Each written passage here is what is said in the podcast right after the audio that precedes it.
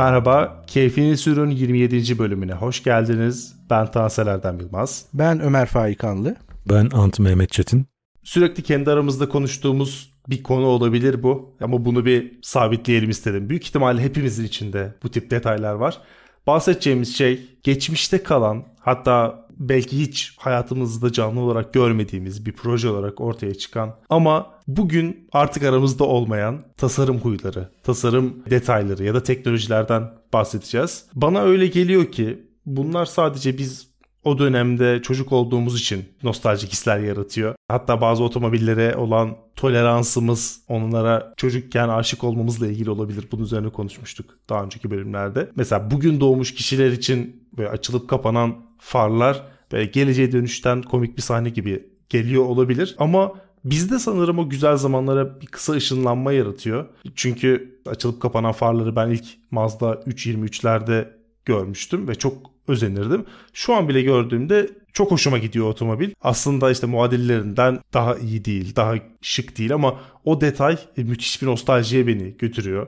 Ya da şey otomobile telefon. Yani kimse kullanmaz şu an ama böyle bir şeyin olması yani Böyle dedenizi görmeye gitmişsiniz e, ama çok da klas bir dedeniz varmış gibi. E, böyle çok fazla detay var. Ben de hani çok çok derin e, detaylar olmasa da birkaç tane daha sonraya sakladım. Sizden çok daha iyileri geleceğini tahmin ediyorum ama. Aslında tabii hemen bir mutfaktan bilgi verelim. Biz bölümleri belirlerken elimizde böyle bir büyük bir kısmını andın oluşturduğu bir e, liste var, bir küme var. İçinden seçiyoruz veya o hafta ya şunu konuşsak mı diye önden bir haberleşiyoruz.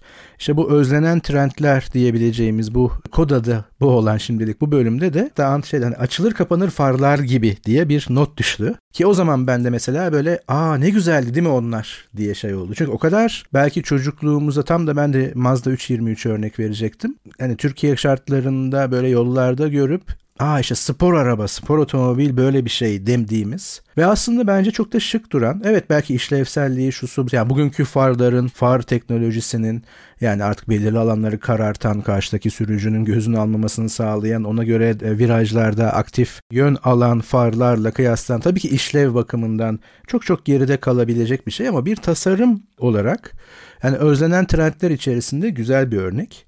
Çünkü ben sonra şöyle tekrar bir baktığımda ya tabii Mazda 323 benim çocukluğum açısından işte o zamanlar yollarda görüp bak spor araba dediğim bir otomobil olmasına rağmen tabii biraz bu işleri anladıkça işte o Ferrari'leri falan gördükçe posterler duvarları süsledikçe belki çok çok sonra işte Top Gear'larla şunlarla bunlarla televizyondan gördükçe ve nihayetinde işte YouTube'la beraber eski testleri eski otomobilleri gördükçe işte mesela Ferrari Daytona birden geldi aklıma buna bakarken. Yani 365 Ferrari 365 olan yani hakikaten bir tasarım ve o farlar çok tamamlayıcı. Ama çok ilginç versiyonları da vardı. Amerikan tarafında Thunderbird'ün böyle açılır kapanır değil de olağan far noktasında önünde böyle bir kapakla sanki açılıp kapanan otomobiller. Ama tabii ki sanırım bunu da ben bir filmde görmüştüm. Yakın, yakinen görme şansım olmadı elbette ama Porsche 928'in böyle artık içeriden böyle çıkan farlar. Yani sadece açılma değil. İşte bu tip şeyler. İşte Toyota bunu kullandı. Toyota 2000 GT'de kullandı 67-70'de. Yani sanki 1960'lardan başlayarak bir anlamda belki 90'lara 90'ların biraz sonuna doğru giden ve tercih edilen bir trendken, bir tasarım trendiyken birdenbire ortadan kalktı. Şimdi tabii ki hep konuştuk. Yani birkaç kez konuştuk. Bu konunun üzerine program yaptık ve daha da yapacağız gibi. Hani tasarım öznel belki de Erdem'in dediği gibi bizim o çocukluk veya ilk gençlikteki spor otomobil imajının bir parçası olduğu için mi bana çekici veya bize çekici geliyor sorusu bakidir. Ama bence o kadar değil. Yani o kadar öznel değil. Bence güzel bir tasarımdı. Ama bu trendleri düşündükçe aslında mesela yine Amerikan arabalarında sanırım bench seat diyorlar. Yani tek parça ön koltuk. Bu eski Amerikan arabalarında. Mesela bu da e, bir süre Amerikan arabasının çok karakteristik bir tasarım özelliğiydi. Yani ben Ankara'da o zaman ben çok hayal meyal tabii hatırlıyorum ama çocukluğumdaki dolmuşlarda o ön koltuğun bir yerden başlayıp arada hiçbir şey olmadan diğer kapıya kadar gittiği o koltuklar ve tabii yine Amerikan filmleri.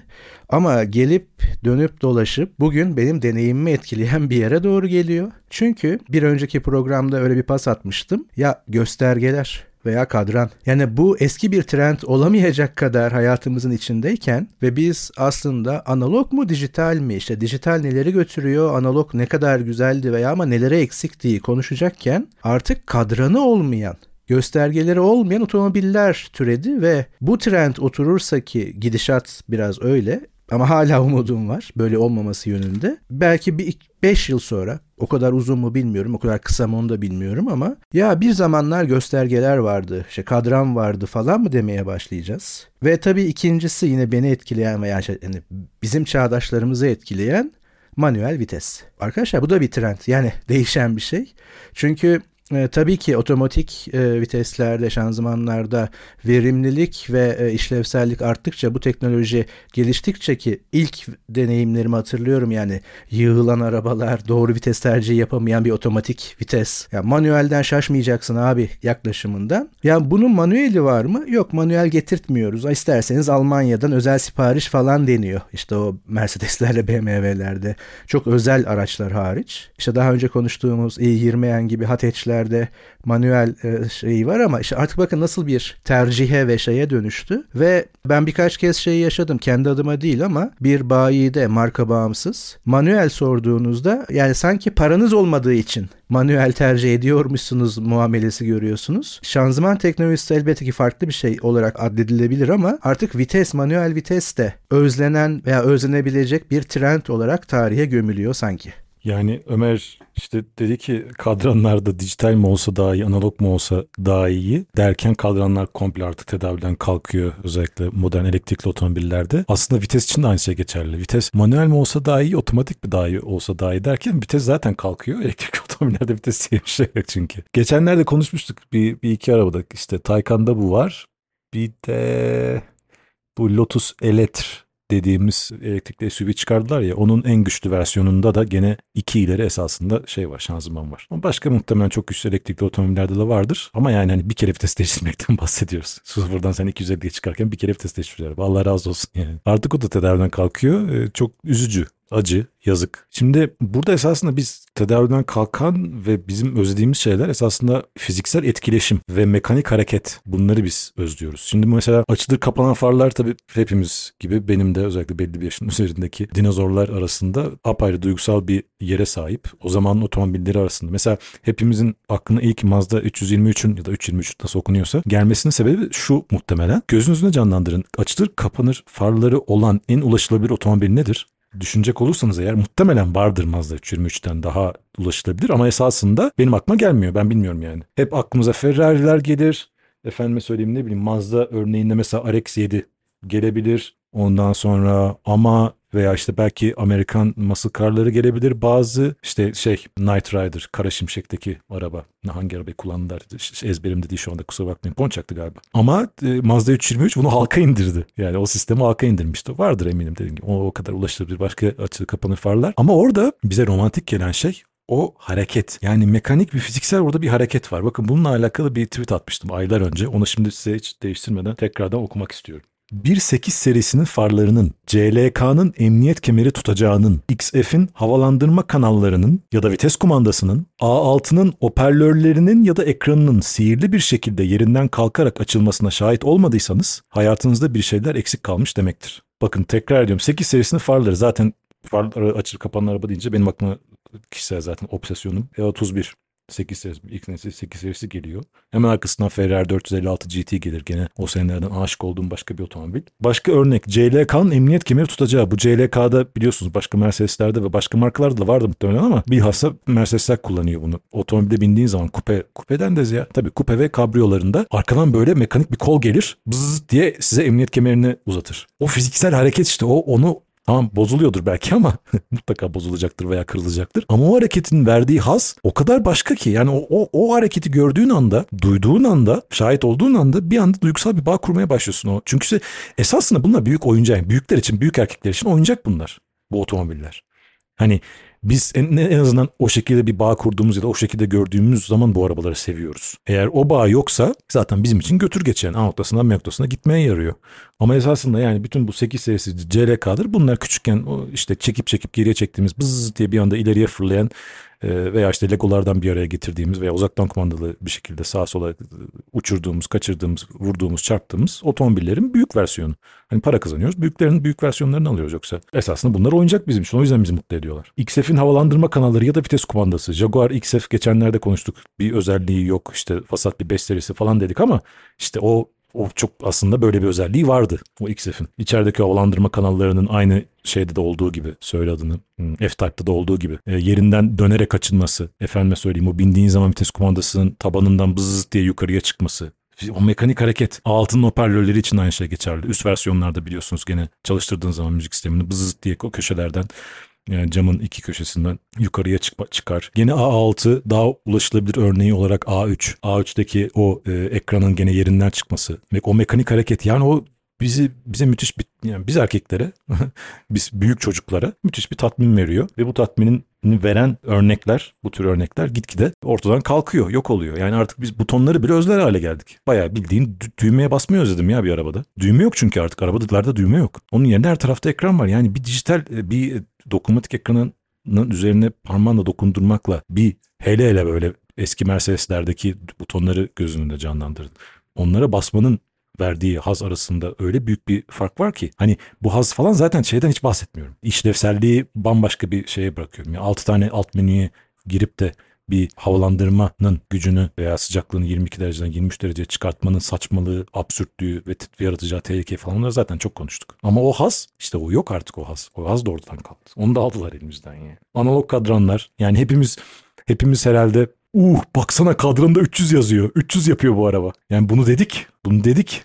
Hani gördüğümüz bunu gördüğümüz çoğu araba 250'den fazla yapmıyordu muhtemelen ama olsun. Hani kadrında 300 yazıyorsa Allah yani o bütün çocukların arkadaşların arasında bir tartışma konusu olmuştur. Efendime söyleyeyim o e, dışarıdan o burnumuzu yapıştırmışızdır yani o arabanın camına. Hakikaten 300 yazıyor mu orada diye. Hatta bazı arabalar vardı çok mütevazi e, ama onların çok üst versiyonlarında GTI'lerinde ya da işte Golf R'da falan bir anda böyle kadran 220'den 300 falan yazmaya hani o, o, o kadar dönüşüyordu çünkü o arabanın öyle bir motoru vardı ondan sonra. Analog kadranlar. Son olarak bende şöyle bir örnek var. CD, CD player. Şimdi hiç işlevsel değil. Okey. Yani bugün tabii ki biz işte Spotify'dır şudur budur zaten müzik dinlemek artık çok kolay. Müzikleri indirmek efendime söyleyeyim. İndirmek dedi yani Spotify'dan zaten ne istiyorsak daha bizim istememize gerek kalmadan Spotify zaten ne hoşumuza gidebilecekse ortaya e, koyuyor. Yüzlerce, binlerce, milyonlarca müzik, şarkı elimizin altında ama işte bu o müziğin değerini de ortadan kaldırıyor. Eskiden CD player zamanında kasetleri özlemedim çünkü ses kalitesi vasattı. Ama ben CD player özledim. Neden? Çünkü muhtemelen sizin CD player'ınız varsa arabada zaten altılı bir CD changer vardır orada. Siz 40 kere düşünürsünüz. O 6 tane seçimim var benim. Yola çıkacağım. Hangi 6 CD'yi bu arabaya koy bu arabaya koyacağım? Şimdi o 6 tane CD'yi, o şarkıları, o müziği, o albümleri zaten seçerken bir şey ritüel var. Hani en kıymetli, en güzel, en sizin değer verdiğiniz ve arka arkaya dinlemeye değer bulduğunuz müzikleri, şarkıları ve şarkıcıları oraya koyacaksınız bir. Bir kere onun bir ritüeli var. O CD changer ya arkada şeydedir, bagajdadır bagajın bu sol ve sağında gözler var ya ya oraya koymuşlardır o CD changer'ı. Torpidonun içerisine koymuşlardır o CD changer'ı ya da ön koltuğun, sürücü koltuğun altına koymuşlardır. Sizin her halükarda böyle bir eğilip bükülmeniz lazım o CD changer'a ulaşmak için. Ee, böyle bir ya koltuğun altına girmeniz lazım ya işte o şeyin kapağını, bagajdaki o kapağını çıkartıp efendime söyleyeyim o sürgüsünü bir şey yapmanız, sürgüyü sürerek şeye içerideki o kartridge ulaşmanız da kart, kartuşa ulaşmanız lazım ki tek tek o CD'leri sokup çıkartırsınız, değiştirebilirsiniz. Bu bir seremoniydi zaten. Bu bir ritüeldi. Onu yaptıktan sonra da inşallah çok bozuk yoldan geçmiyorsunuzdur. Çünkü çok bozuk yoldan geçtiğiniz çukura girdiğin zaman o CD tık tık diye şey bozuk atlıyordu yani tekliyordu. Efendime söyleyeyim. Okuyucu çünkü orada tam o ilgili kısmı okuyamıyordu. Ama büyük oranda böyle problem yoktu otobana falan çıktığınız zaman.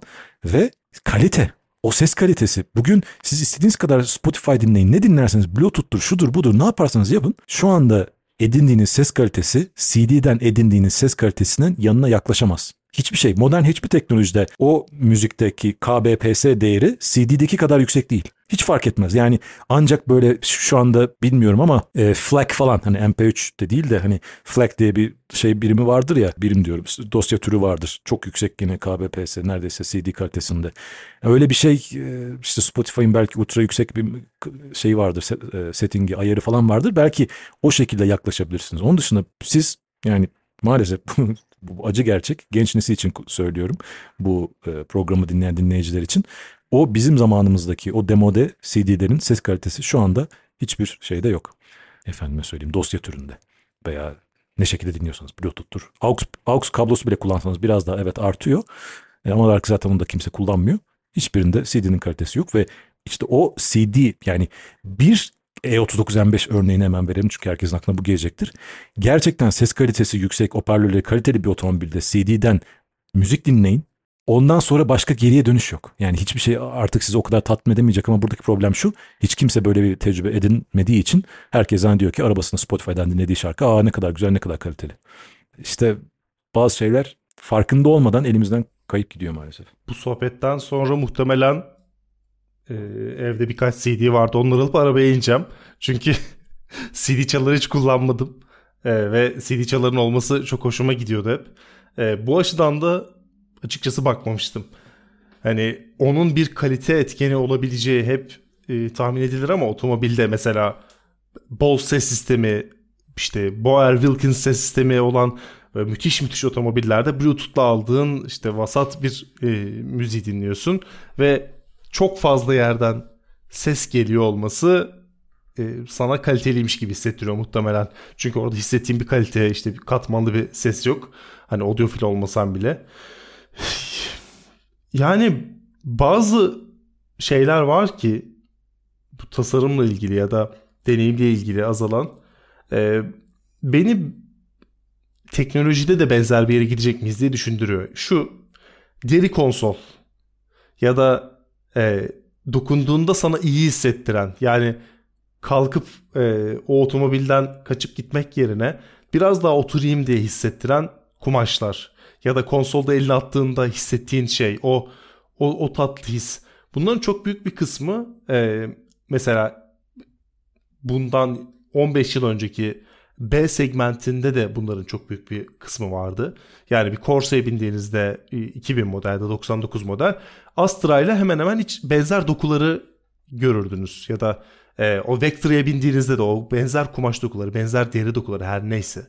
Şu an Corsa'nın baz versiyonundan işte Vectra seviyesinde ya da D segmenti, C artı D diyebileceğimiz segmente bindiğinizde müthiş bir fark var. Tuşların hissinden dokunduğunuz her şeye yani e, çevre dostu otomobiller üretilmeye çalışıldığı için e, bazı materyallerin işte doğada çözünür olmasına özen gösteriliyor. Son yıllarda e, bu da malzeme kalitesinden aslında feragat etmek anlamına geliyor. Bu da sizin o içerideki deneyiminizden kaçmak ya o deneyimi e, kaybetmek anlamına geliyor. Benim özlediğim şey ilginç bir şekilde şu an bilinçli olarak yapılmayan ve yapıldığında herkesin mutlu olacağı bir şey. Yani o içerideki e, deneyimin biraz olsun iyileştirilmesi, o iç mekan kalitesinde o özenmişlik hissi bunu görmek herhalde. Ben biraz daha geriye götüreceğim sizi. Yani CD konusunda evet ben de o jenerasyondayım tabii ki. Otomobiller söz konusu olduğunda yani onu tercih eden ve kendi adıma onu yaşayanlardayım. Ama e, 1988 yılında bir Mercedes 260 SE yeni yapılmış e, ve ilk üzerinden araç geçen Fatih Sultan Mehmet Köprüsü'nde bir kaset koy da neşelenelim Semra Hanım diyen bir başbakan ya da cumhurbaşkanı o dönemde sanırım. Ee, şimdi o kaset mevzusu da mesela hani ben şey hatırlıyorum. O zaman ben kullanmıyorum tabii yaşım küçüktü ama uzun yol için ben kaset hazırlardım otomobil için. İşte ailece gidiyoruz. Şimdi burada aslında şu tabii ki yani kaseti özlüyoruz, CD'yi özlüyoruz. İşin kalite boyutunu bir kenara bırakırsam ya a, siz de yaşlandınız mı falan diyebilir birileri. Hayır öyle bir şey değil. Bu bir deneyim yani deneyim ara, deneyim alanıydı otomobil her şeyiyle. E, özellikle tabii ki bir otomobil sahibi veya sürücüsü olarak en çok deneyimlediğiniz şey otomobilin iç mekanı. Şimdi burada kullanılan malzemeden Erdem'in dediği gibi oradaki araçlara kadar işte o dokunma hissi, ayarlama hissi, onun bir özel ritüelinin olması farklı şeylerde. Ee, mesela bu bir lüks sembolüydü e, her zaman için. Şu anda da hala kullanıyorlar bildiğim kadarıyla ama mesela otomobildeki analog saat bu çok e, kaliteli saatler işte Rolls Royce'larda, Bentley'lerde olabilir ama analog bir saatin olması mesela. Doğru konumlanmış, tam o konsolun ortasında muhtemelen. Ya bu tip şeyler size bir deneyim. Ya bu işleviyle ölçülen bir şey değil. Elbette ki teknoloji bir aşama sonrasında bir öncekini çok daha kısa bir sürede belki çok daha kolay bir şekilde yapabilme üzerine evriliyor. Bu da ayrı bir hani hat ve bu engellenebilir değil. Ama bizim deneyim ve o deneyimden aldığımız hazzı ne kadar etkiliyor? Hiç buna bakılıyor mu acaba? Hani illaki e, çakılı kalalım orada kalalım demiyorum ama mesela direksiyonların biçimleri, boyutları, işte üç kollu, dört kollu vesaire hani bunlardaki o çeşitlilik ve bazı modellerde bazı markalarla özdeşleşmiş direksiyonların o kendine has yapısı.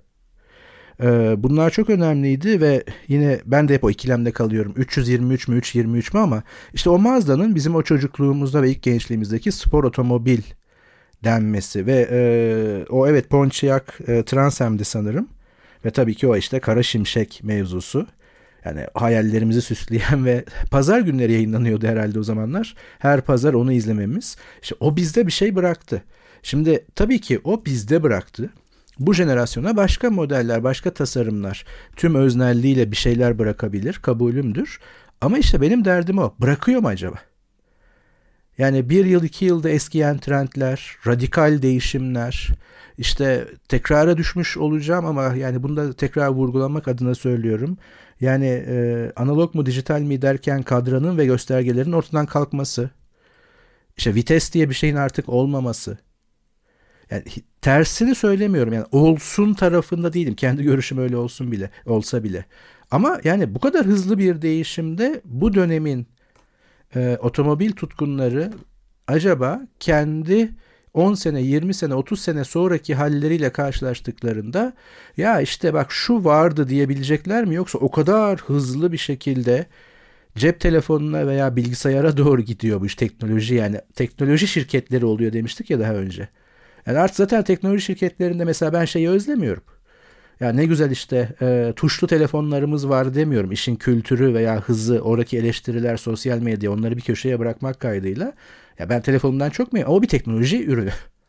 O artık bir bilgisayar. O bir artık işte smart e, phone bile demeyeyim hani akıllı cihaz dediğimiz başka bir kategori oluşturdu.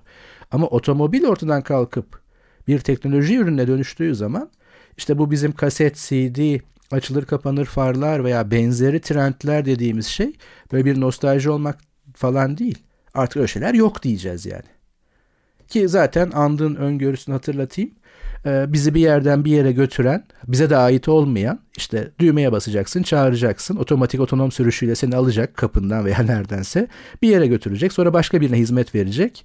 Ve sen bugünkü işte at yarışlarında veya da atlara binebildiğin yerler gibi kurtarılmış bölgelerde veya özel alanlarda şimdi go-kart yaptığımız gibi e, gidip eski tip otomobillere binip şöyle bir iki tur atıp zevkini alacaksın. Belki de oraya doğru gidiyoruz. Ama bu kötü bir yani bir distopya benim için.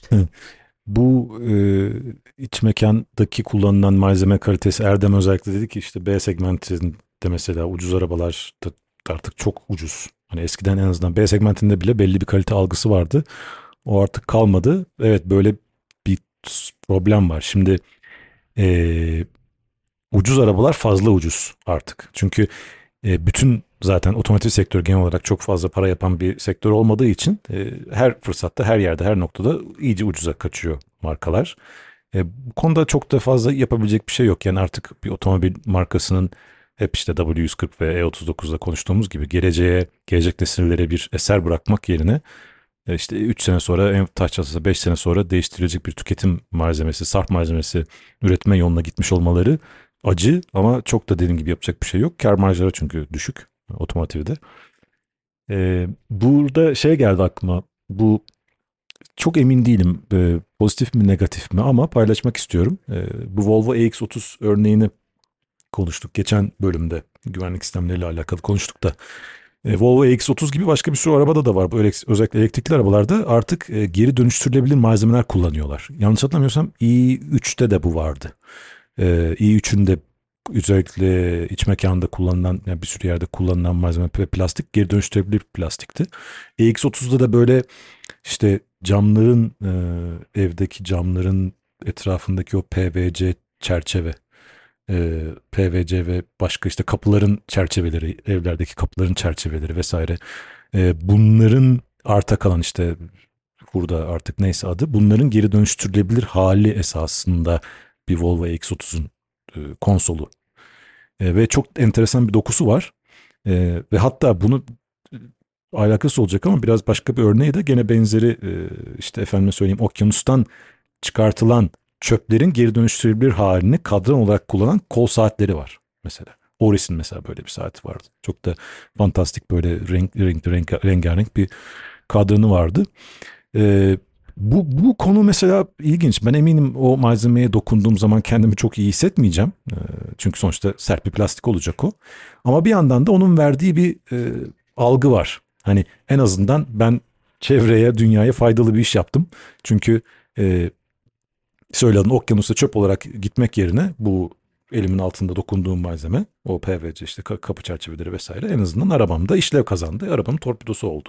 Ayrıca geleneksel o sert e, el kıran, parmak kıran plastikten de e, çok daha tatlı esasında bir dokusu, en azından bir görüntüsü var. E, o özlediğimiz tabii yumuşak plastik, efendime söyleyeyim işte 5 serisi, S serisi vesaire Audi'lerin içerisindeki yumuşak plastik olmasa da e, bu mesela aslında hoş bir trend. Hani bunu daha fazla kullanacak olurlarsa ben buna okeyim. Anlatabiliyor muyum? Yani bu e, hem faydalı bir şey hem de geleneksel sert siyah e, o iç karartıcı plastikten de daha güzel bir örnek. Bu kol saati demişken bu arada Ömer güzel geldi. Analog saatlerden bahsetti otomobillerdeki. Hani ve dedik ki hani belki biz yaşlıyız. Biz eski kafalıyız. O yüzden biz bunları özlüyoruz. Peki eğer böyle olsaydı şu anda en lüks otomobillerde bakın en üst seviye diyorum. Böyle milyonlarca dolarlık Rolls Royce'lardan falan bahsediyoruz. Bunlar size zamanı nasıl gösterirdi? Efendime söyleyeyim e, ön belki cama yansıtarak ya da böyle havada hologram yaratarak size zamanı, saati gösterirlerdi. Ama böyle bir şey yapıyorlar? Hayır böyle bir şey yapmıyorlar. Bugün siz dünyanın en pahalı Rolls en nadir Rolls bildiğiniz zaman ne geliyor biliyor musunuz saat olarak? Ee, ya Audemars Piguet ya Patek Philippe. Çok emin değilim. Fakat çok böyle haute horloge dediğimiz hani en üst e, seviye e, saat markasının e, turbiyon bir de turbiyon mekanizmasını kullanan saat koymuşlar arabanın içine. Ha ben bunu böyle gördüğüm zaman var ya nasıl içimin yağları eridi. Yani bir kere çok mutlu oldum. Çünkü en üst hani otomotivin en üst örneklerinden bir tanesinden söz ediyoruz. Şimdi şeyini unuttum böyle yat gibi metrelerce uzunlukta üstü açık bir Rolls Royce yaptılar. Ee, bu en üst otomotivin nirvanası diyebileceğimiz ki sanırım Bugatti Chiron'da falan da aynısı geçerli. Analog saat kullanılıyor. Analog saatin en iyi örneği. Hani en müstesna örneği kullanılıyor. Çünkü o saati yapmak için e, bir kere bilgisayar şeylerle, robotlarla, makinelerle falan yapamazsın o saati. Birkaç tane dünyanın en iyi saat uzmanı saatlerce, günlerce, onlarca, yüzlerce saat harcayarak o böyle mikronluk mini minnacık parçaları tek tek bir araya getirerek o saati bir yere oluşturuyor. O saati yaratıyor. O bir saat sanat eseri o saat. Ve o saat o arabada yer bulmuş. Hakkı da o zaten. Yani diyeceğim o ki bunlar bu kadar demode, bu kadar e, gereksiz parçalar olsaydı bunlar artık kimse bakmazdı, görmez görmezden gelirdi, kimse kullanmazdı. Ama Rolls-Royce, Bentley, e, Bugatti vesaire bunları gidip de e, teknolojinin son örneği eğer arabalarına koyuyorsa demek ki burada bir şey var. Yani ben eminim bunu hep söylüyorum, söylemeye de devam edeceğim. Yarın öbür gün bütün bu özlediğimiz şeyler, özellikle fiziksel butonlar, bu Rolls-Royce, Bentley, Bugatti gibi arabaların yeni neslinde bize böyle hani ki bunu yapan var. Bentley'nin Batur diye bir arabası var. E, bu bir sürü fiziksel buton var içinde ve bir, but, e, araba hepsi birbirine girdi kelimelerin. E, butonlar altından ki bildiğin saf altından yapmışlar butonları. Yani gidip de adam sana en yüksek çözünürlük ekranı sunmuyor. Bentley'den bahsediyorum bak. Rolls Royce'un muadili. Adam sana geleneksel butonları sunuyor. Onları da böyle altında falan kaplıyor. Veya işte başka gümüşle kaplıyor böyle en lüks, en geleneksel, en pahalı varlığın sembolü malzemelerle, maddelerle kaplıyor. Veya direkt o maddelerden üretiyor. Yani esasında bunların değeri tartışılmaz. Anlatabiliyor muyum? Bu, bu eski kafalık ya da demodelikle falan alakası yok. Ama işte tek bir gerçek var. O da şu. Markalar artık gitgide daha ucuz otomobil üretmek zorunda. Regülasyonlara uymak zor, zorunda. Zarttır zurttur. O yüzden böyle e, işin aslı A'dan B'ye götür geç getir geç onlara doğru evriliyor. Otomobil dediğimiz makine. Çok yazık, çok üzücü. Ee, yapacak bir şey yok. Ya bunun da pek değişeceğinden aslında artık umudum da yok gibi. Çünkü şöyle bir rahatlık sağlıyor tüm bu değişiklikler ya da tüm bu seyreltmeler ama e, endüstrinin gözünde aslında sadeleşmeler. E, teknolojik imkanlar da buna destek olduğu için ihtiyacın olan daha doğrusu ihtiyacından ziyade lüks olan ve aslında otomobilde bir e, lüks tüketim aracına dönüştüğü için çoğu insandan çoğu insanın hayatında e, bu tip aradığın şeyleri işte daha büyük bir ekran vererek e, çözmeye çalışıyorlar ya da daha farklı bir e, işte sensör koyarak. Yani senin lüks tanımının dışında kalan lüksleri e, dikte ederek e, markalar bir yere varmaya çalışıyor gibi. E, şey de var bence sonuçta tüm bu e, ekolojik hamlelerin e, bir kredisi de var getirdiği. Yani sonuçta otomobiller e, fosil yakıt tüketerek var olan e, canlılar çok büyük bir kısmı e, varlıklar diyeyim daha doğrusu ve otomobil e, firmalarının e, mesela belli alanlara girebilmesi ya da e, belli konularda belli kitlelere ulaşabilmesi için de bunları yapması gerekiyor. Mesela e, bazı markalar otomobil firmalarıyla hiçbir şekilde anlaşma yapmıyor. Çünkü şöyle bir şerh var e, tüzüklerinde ya da bazı derneklerde. Üç ayrı aşama var. Bir, iklim problemine dair hiçbir şey yapmayanlar. İki, iklim e, problemine dair tüm prosedürlerimize uyanlar ve karbon ayak izini küçültenler. Bir de iklim e, problemini yaşayıp ya da doğada olan problemleri görüp buna dair aktif adımlar atmış markalar. Aslında e, fosil yakıtlardan vazgeçmese bile bu tip yaptığı şeylerle bazı yatırımların hem içinde olabiliyor hem bazı insanların gözünün önüne düşebiliyor. Bu kadar marka içerisinde e, işte biz denizdeki e, belli atıklardan bu iç mekanı yaptık dediğiniz zaman aslında ay ya bunlar da hani fosil yakıt tüketiyorlar ama bazı kaygıları varmış dedirtiyor. Bazı sadeleşmeler de bunu yaratıyor. Ya sonuçta e, fazla malzeme kullanmamak için e, her şeyi basitleştirmişler. Bak şu tuş var çevirince çok çatır çutur ses yapıyor ama işte onun mekanizması geri dönüştürülebilir mekanizma falan gibi artık böyle e, birbirimizi ikna ettiğimiz bir noktaya varacakmış gibi geliyor. Ben sanırım bu özellikle materyal konusunda bu ikiyüzlülüğü biraz biraz hissettiğim için çok anlamlı bulmadım bu tip değişiklikleri. E aslında andın dikkat çektiği bir şey hepimizin de aslında düşününce ya evet dediğimiz bir şey var. Şimdi hemen hemen bütün dinleyicilerimiz en az bizim kadar otomobille meraklı olduğu için gözlerinde canlanacaktır ama diğerleri için de veya da hani bir bakayım diyenler için Google görsellere hemen bir arama yapabilirler. Şimdi bir Rolls Royce'u düşünün. İç tasarımından bahsediyorum, dizaynından bahsediyorum. Bentley'i düşünün, Aston Martin'i, Ferrari ve Lamborghini'yi, e, McLaren'ı düşünün. Şimdi tabii ki bunların özellikle sportif e, kısımlarında işte ağırlığı azaltmak, karbon fiber kullanımı, gereksiz her şeyi çıkarmak deneyecektir. Evet bu işlevler tabii ki önemli ama orta konsola bakın özellikle. Ya bu bir tasarım dili. Ve bunlar Everest yani otomobil tasarımının Everest yani bu araçları bu otomobilleri alanlar milyon dolarlar veriyor. Belirli modellere özellikle. Şimdi buradaki tasarım diline bakın. Orta konsol özellikle diyorum. Öyle dijital ekranlar şunlar bunlar yok. Andın dediği gibi onu oraya Allah'ını kralını yaparlar. Yani para anlamında, tasarım anlamında, teknoloji anlamında. Ama bu tasarım dilini kullanmıyor bu işin Everest'indeki tasarımcılar. Hatta o kadar minimal ekran, dijitallik kullanıyorlar ki bu sadece ağırlıktan, şundan bundan tasarruf değil.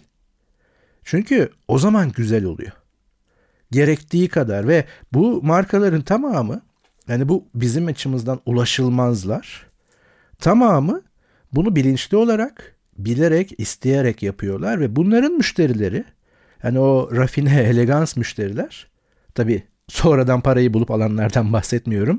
Bunların kıymetini bilenlerden bahsediyorum. Zaten bunu talep ediyor. Yani Rolls-Royce bir sonraki modelinde ya da Bentley, Aston Martin, Ferrari, Lamborghini, McLaren işte Mercedes'in yaptığı gibi. Çünkü belki evet segment farkı, müşteri farkı her şeyi evet ama her yere ekran koydum dediği anda birdenbire ne yapıyorsun diyecek. Müşterisi diyecek bunu.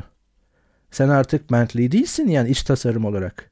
E bunu dışarıda tabii yansıtabiliriz ama e, saat mevzusundan güzel bir örnek oldu. Yani o, o sadece oraya lüksün dibine vuralım falan değil. O analog saat orada bir, bir işlevi var. Güzelliği var. Emeği var. Oraya kattığı bir değer var. Ve tabii ki bu o seviyede olmasa bile ben otomobilime bindiğim zaman bana özel, beni iyi hissettirecek. Hani verdiğim paranın karşılığı her neyse öyle bir talebim var. Ama gitgide bu Everest'in altında kalan tüm modeller ki bunlar da dikkat edin yani Audi ki çok iyi iç tasarım yapar aslında. Yani esas genlerinde Mercedes, BMW'den falan bahsediyoruz. Gitgide dijitalliğin en tepesine çıkıyoruz. Yani artık ön konsolu geçtim. Neredeyse işte yan kapıların içlerinde bile ekranlar var ne işe yarayacaksa. İşte arkada ekranlar var. Her yerden data akıyor. Her yerden veri akıyor. Her yerden her şeyi kontrol edebiliyorsun'a gidiyor. Ee, ama işte o gidişat o ne diyeyim hani e, yani Ant bunu farklı bir şey için kullanırdı ama eski videolarda o rafine hissiyatı ortadan tamamen kaldırıyor. Son bir örnek vereyim. Ee, tedaviden kalkan trendlerle alakalı. El freni. Şimdi çoğu insan e, genel kullanıcı diyecektir ki ya el freni hani onu öyle çekip güm diye efendim söyleyeyim arabayı yerine sabitlemek ne kadar demode. Onun yerine artık modern otomobillerde tık diye işte bir düğmeye basıyorsun el freni devreye giriyor falan filan. Şimdi burada iki şey söz konusu. Birincisi en azından benim kullandığım arabalar içerisinde e, ben herhalde biraz salağım. O yüzden e, hiçbir zaman pürüzsüz bir şekilde ilk defa bir arabayı kullan bir arabaya bindiğim zaman pürüzsüz bir şekilde el frenini devreye sokup el freninin otomatik bir şekilde ya da benim aracılığımla pürüzsüz bir şekilde devreden tam zamanında çıktığı hiçbir durum olmadı. Hiçbir durum olmadı. Birincisi ben hala bilmiyorum el freni düğmesine basarak mı yoksa çekerek mi o devreye giriyor? Yani ben el frenine bastığım zaman mı o düğmeye bastığım zaman mı e, araba duruyor yoksa çektiğim zaman mı duruyor? Bunu bilmiyorum bir. İkincisi otomatik olarak devreden çıkması gerekiyor genelde bunlarda. Bazıları çıkıyor bazıları çıkmıyor. Ne zaman çıkıyor ne zaman çıkmıyor bilmiyorum. Otomatik olarak devreye girmesi gerekiyor. Arabayı kapattığın zaman bazısı devreye giriyor bazısı girmiyor. Giriyor mu girmiyor mu onu da bilmiyorum. E, dolayısıyla ben hiçbir zaman pürüzsüz bir şekilde dediğim gibi aküm düşük olduğu için herhalde elektronik el frenine sahip bir otomobil e, e, o el freninin devreye sokup devreden çıkartmasını beceremedim. İkincisi daha da önemlisi tabii ki. Şimdi performanslı sürüş esnasında e, el freni kullanılıyor. Özellikle Honda CRZ ve benzeri. Hatta CRZ'i falan geçtim. Ford Transit'te de galiba benzer şeyler e, yapıyordum. E, benim yapmamla alakası yok yani. Eğer herhangi bir otomobil özellikle spor otomobili e, e, manuel mekanik el frenine sahip bir spor otomobili kullandığınız zaman özellikle de B-road dediğimiz böyle arka yollarda çok dar yollarda el freninin bir işlevi var. Tekrar söylüyorum yani belki %99, %99.9 sürücü için bu geçerli değil ama e, mekanik el frenine sahip özellikle bir spor otomobili gene dar yollarda kullandığınızda ve özellikle de e, söyle adını kaygan koşullarda kullandığınızda çünkü o el frenin yaptığı şey nedir? Arka tekerlekleri kitlemek. E şimdi çoğu modern otomobilin önden çekiş olduğunu da göz önünde bulunduracak olursanız eğer arka tekerlekleri kilitleme becerisi elinizin altında ve onun da hatta e, kademesini de ne kadar çekiyorsanız o kadar kilitleniyor. Onun da kademesini ayarlayabilme yeteneği çok önemli. Ve otomobilin üzerinde otomobilin üzerinde yarattığınız e, o kontrol e, hüküm üstünde çok büyük bir payı var. Eğer bunu yapabiliyorsanız böyle beceriye sahipseniz ekstradan özellikle dar virajlarda e, otomobilin e, açısını değiştirebilme yeteneğiniz bir anda artıyor. Beceriniz bir anda artıyor. O el frenine e, çekip indirdiğiniz zaman. Ama eğer o elektronikse tabii ki bunların hiçbirini yapamıyorsunuz. E, bu dediğim gibi yani çok belki %0.1 sürücüyü alakadar eden ve çok e, yine %0.1'lik sürüş tecrübesinde devreye giren bir mevzu. Ama benim için çok önemli. Yani benim için zaten en baştan o freni çekmek, o fiziksel hareket benim çok hoşuma gidiyor. Diğer bütün fiziksel etkileşimlerde olduğu gibi otomobille aramda olan. Ama bir de üzerine o genel sürü, performanslı sürüşte freni devreye girdiği zaman arabayı benim e, ekstra bir manevra kabiliyeti e, ve o yolun üzerindeki konumlandırabilme e, yeteneği e, yani o çok büyük bir ekstra. Bir anda sanki araba önden çekişin de ötesinde ekstra bir hani arkadan itiş becerileri ufak da olsa devreye giriyormuş gibi bir şey oluyor.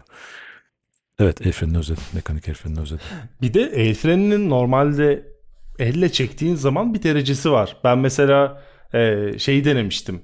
Bir yakınımızın bir şirket aracında ancak bunu deneyebildim.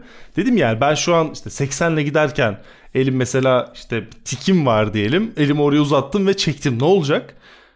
Bildiğiniz tekerleri kilitliyor. Kaç hızlı olduğunuzun önemi yok.